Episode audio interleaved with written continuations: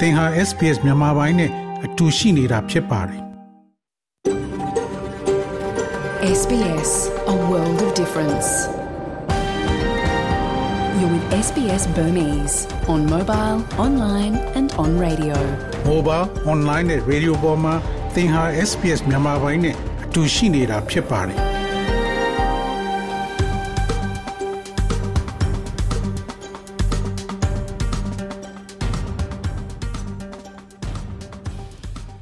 တော်ရရှိမြကျက်တိမင်္ဂလာဖျားဖျားနဲ့ပြည့်စုံတော်မူကြပါစားခင်ဗျာ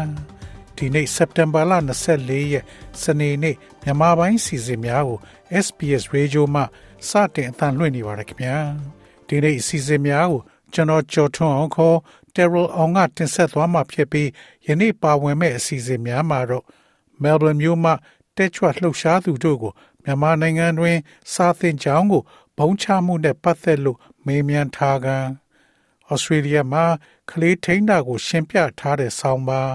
တန်လွင်ခက်ကပေးပို့ထားတဲ့စစ်ပွဲကြားကမြေစာပင်ကလေးငယ်များဆိုတဲ့သတင်းဆောင်းပါးတို့ဖြစ်ပြီးဒီနေ့ခေါင်းကြီးပိုင်းသတင်းတွေကတော့ဩစတြေးလျနိုင်ငံခြားရေးဝန်ကြီးကုလသမဂ္ဂမှမိန့်ခွန်းပြောပါကစ္စတန်မှာဒုတိယမြောက်ရေဘေးဒုက္ခကြုံရနိုင်ဟုဆိုမြန်မာနိုင်ငံမှာဗီဇပြောင်းကိုဗစ်ပိုးကူးစက်မှုပညာရှင်တွေသတိပေး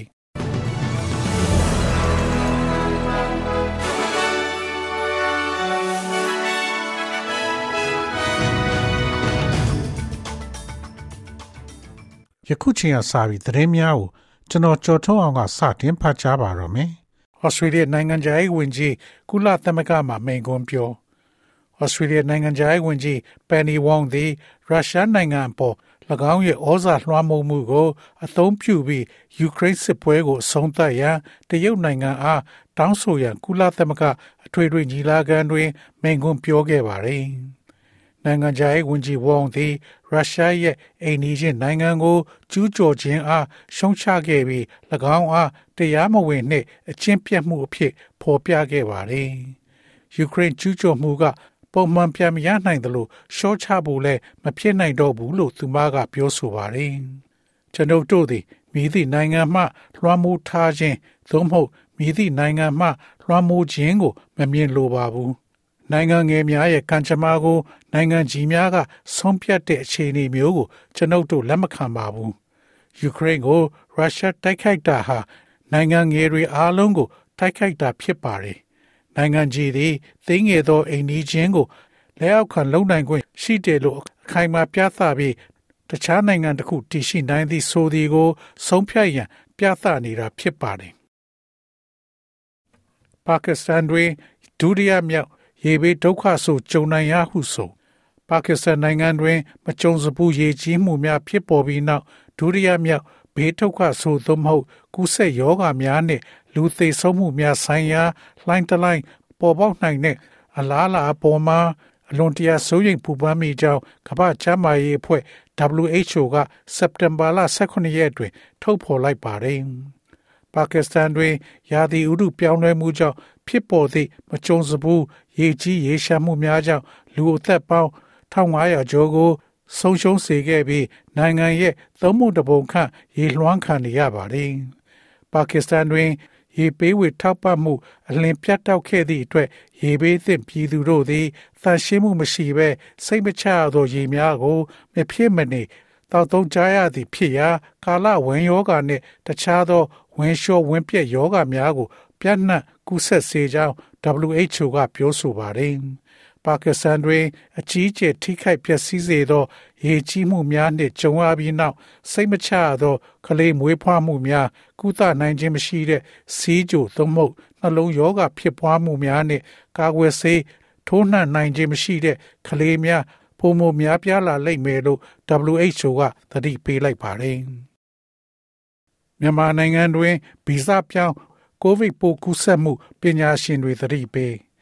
ကျန်းမာရေးဝန်ကြီးဌာနရဲ့စက်တင်ဘာလ22ရက်ထုတ်ပြန်ချက်ထဲမှာပြည်တွင်းမှာ24နာရီအတွင်းဓာတ်ခွဲအတည်ပြုလူနာ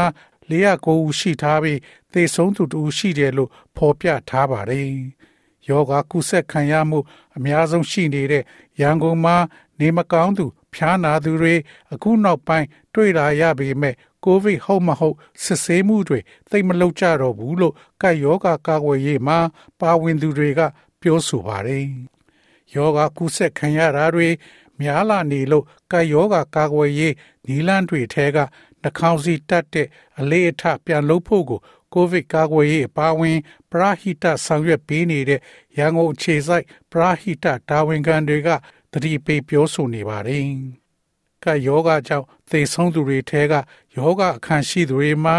200ခိုင်နှုန်းလောက်ကယောဂကာကွယ်ဆေးသုံးချိန်ထိုးပြီးထားသူတွေဖြစ်တယ်လို့ကျန်းမာရေးဝန်ကြီးဌာနကထုတ်ပြန်ထားပါတယ်။ယောဂကာကွယ်ဆေး အချိန်ပြည့်ထိုးနှံကြဖို့နဲ့နောက်ထပ်တစ်ကြိမ်ကာကွယ်ဆေးထပ်ပြီးထိုးနှံဖို့ကိုလည်းကျန်းမာရေးတာဝန်ရှိသူတွေကတိုက်တွန်းနေပါတယ်။ဩစတြေးလျသည် Torres ရေလက်ကြားကျွန်းသားများရဲ့ခွင့်ရေးကိုချိုးဖောက်ခဲ့ဟုဆိုဩစတြေးလျသည်ရာသီဥတုပြောင်းလဲမှုရဲ့ဆိုးကျိုးများကိုကာကွယ်ရန်ပြက်ကွက်ခြင်းကြောင့် ဌာနေတော်ရက်ရေလက်ကြားရှိကျွန်းသားများအခွင့်အရေးကိုချိုးဖောက်ခဲ့ကြောင်းကုလသမဂ္ဂလူ့အခွင့်အရေးကော်မတီကတွေ့ရှိခဲ့ပါတယ်။ဩစတြေးလျနိုင်ငံသား၈ဦးနဲ့၎င်းတို့ရဲ့ကလေး6ဦးတို့တင်သွင်းတဲ့ပူတွဲတိုင်ကြားစာကိုစစ်ဆေးပြီးနောက်၎င်းဆုံးဖြတ်ချက်ကိုကော်မတီကကြေညာချက်ထုတ်ပြန်ခဲ့တာဖြစ်ပါတယ်။၎ င်းတို့အားလုံးသည်ဩစတြေးလျနိုင်ငံ Torres ရေလက်ကြားဒေသရှိမြေနိမ့်ပိုင်းကျွန်းလေးခုတွင် နေထိုင်နေကြသူများဖြစ်ပါတယ်။တိုင်ဝမ်အရေးတင်းမာမှုကန်တရုတ်ဝင်ကြီးချင်းဆွေးနွေး American နိုင်ငံခြားရေးဝန်ကြီး Anthony Blinken ဟာတရုတ်နိုင်ငံခြားရေးဝန်ကြီးနဲ့တောက်ချာနေကနယူးယောက်မြို့ကုလသမဂ္ဂအထွေထွေညီလာခံအပြင်ဘက်မှတွေ့ဆုံပြီးအထူးသဖြင့် တင်းမာမှုတွေရှိနေချိန်မှာနှစ်နိုင်ငံဆက်သွယ်ရေးလမ်းကြောင်းကိုဆက်လက်ဖွင့်လှစ်ထားဖို့ဟာအရေးကြီးကြောင်းဆွေးနွေးခဲ့ကြပါတယ်။ဒေသဆိုင်ရာကမ္ဘာလုံးဆိုင်ရာ လုံခြုံရေးနဲ့တာယာဝပြောရေးအတွက်တိုင်ဝမ်ရေးလက်ကြားငြိမ်းချမ်းရေးနဲ့တည်ငြိမ်ရေးတည်တတ်အောင်လှုပ်ထားနိုင်ဖို့လွန်စွာအရေးကြီးတယ်လို့ American နိုင်ငံခြားရေးဝန်ကြီး Anthony Blinken ကပြောဆိုခဲ့ကြောင်း American နိုင်ငံခြားရေးဝန်ကြီးဌာနပြောရေးဆိုခွင့်ရှိသူ Ned Price ကကြေညာချက်တစ်စောင်ထုတ်ပြန်ခဲ့ပါတယ်။တိုင်ဝမ်ကိုတရုတ်ကကျူးကျော်ရင် American ကတိုင်ဝမ်ဘက်ကနေဝင်ရောက်ကူညီခုခံသွားမယ်လို့လွန်ခဲ့တဲ့လအနည်းငယ်ပိုင်းက American သမ္မတ Joe Biden ကကတိပြုခဲ့ပြီးနောက် American နဲ့တရုတ်ကြားတင်းမာမှုတွေပုံမပြင်းထန်လာခဲ့ပါတယ်။ တရုတ်ကတိုင်ဝမ်ဟာတရုတ်ပိုင်နယ်မြေဖြစ်တယ်လို့ကြွေးကြော်ထားပါတယ်။မောင်တို့မြောက်ပိုင်းတိုက်ပွဲပြင်းထန်အေးအေးရခိုင်လက်နက်ကင်ဖွဲ့နဲ့မြန်မာစစ်အာဏာရှင်တပ်ကြားတိုက်ပွဲတွေပြင်းထန်နေပြီးမောင်တို့မြောက်ပိုင်းမှာမကြာခဏဆိုသလိုစစ်အာဏာရှင်ဘက်ကလက်နက်ကြီးတွေနဲ့ပစ်ခတ်နေတဲ့အကြောင်းဒေသခံရွာသားတွေက ပြောဆိုပါတယ်။ တိုက်ပွဲကြောင့်အနီးအနားခြေရွာတွေကဒေသခံတချို့ဘေးလွတ်ရာကို ထွက်ပြေးနေကြပါတယ်။တစ်ချိန်တည်းမှာပဲမြန်မာစစ်အာဏာရှင်တပ်ကရခိုင်ပြည်နယ်အတွင်းစစ်ရေးဂိတ်တွေတိုးမြင့်ချထားပြီးအသွာလာတွေကိုစစ်ဆေးလာသလိုအေးအဖွဲ့နဲ့ဆက်ဆက်တဲ့ဆိုတဲ့ဆွဆွဲချက်နဲ့ဖန်ဆီးတာတွေလည်းများလာပါတယ်။ကြောက်ဖြူမျိုးနယ်မှာဆိုရင်ဒီရက်ပိုင်းအတွင်း ဖန်ဆီးခံရသူတွေ10ဦးထက်မနည်းရှိပြီးညပိုင်းတွေမှာဝင်ရောက်ဖန်ဆီးတာများတယ်လို့လည်းကြောက်ဖြူဒေသခံတွေကပြောဆိုပါတယ်။ဒါအပြင်ရခိုင်ပြည်နယ်ကမြောက်ဦးမင်းပြားကြောက်ဖြူတောင်ကုတ်ရံပြေစတဲ့မြို့နယ်တွေမှာလည်းဒီလအတွင်းဖမ်းဆီးခံရသူတွေရှိတဲ့အကြောင်းဒေသခံတွေကပြောဆိုပါတယ်။မြန်မာစစ်အာဏာရှင်တပ်ဘက်ကတော့ဖမ်းဆီးတာတွေနဲ့ပတ်သက်လို့သတင်းထုတ်ပြန်တာမရှိသလို အတီးပြုပြောဆိုတာလည်းမရှိဘူးလို့သိရပါတယ်။ SBS SBS SBS SBS SBS This is SBS Radio.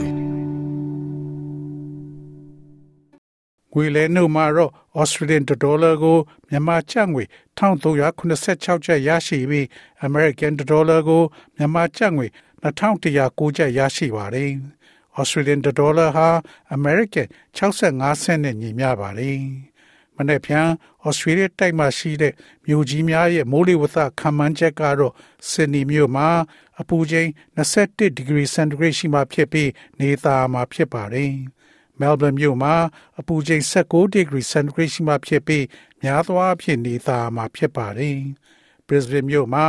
အပူချိန်29 degree centigrade ရှိမှဖြစ်ပြီးနေသားမှာဖြစ်ပါတယ်။ Perth မြို့မှာအပူချိန်16 degree centigrade ရှိမှဖြစ်ပြီးမိုးတိမ်သားများအနည်းငယ်ရှိမှဖြစ်ပါတယ်။ Adelaide မြို့မှာအပူချိန်20 degree centigrade ရှိမှဖြစ်ပြီးမိုးရွာသွန်းမှုတိုးမြင့်လာမှဖြစ်ပါတယ်။ Hobart မြို့မှာအပူချိန်18 degree centigrade ရှိမှဖြစ်ပြီးမိုးတိမ်သားများအနည်းငယ်ရှိမှဖြစ်ပါတယ်။ Canberra မြို့မှာ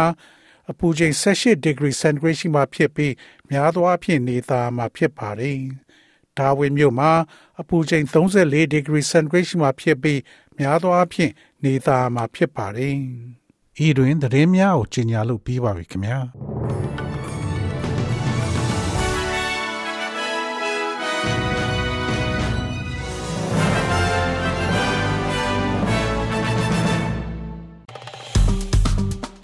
SPS မြန်မာပိုင်းကို Facebook ပေါ်မှာ like ရှာပြီး like မျှဝေမှတ်ချက်ပေးပါ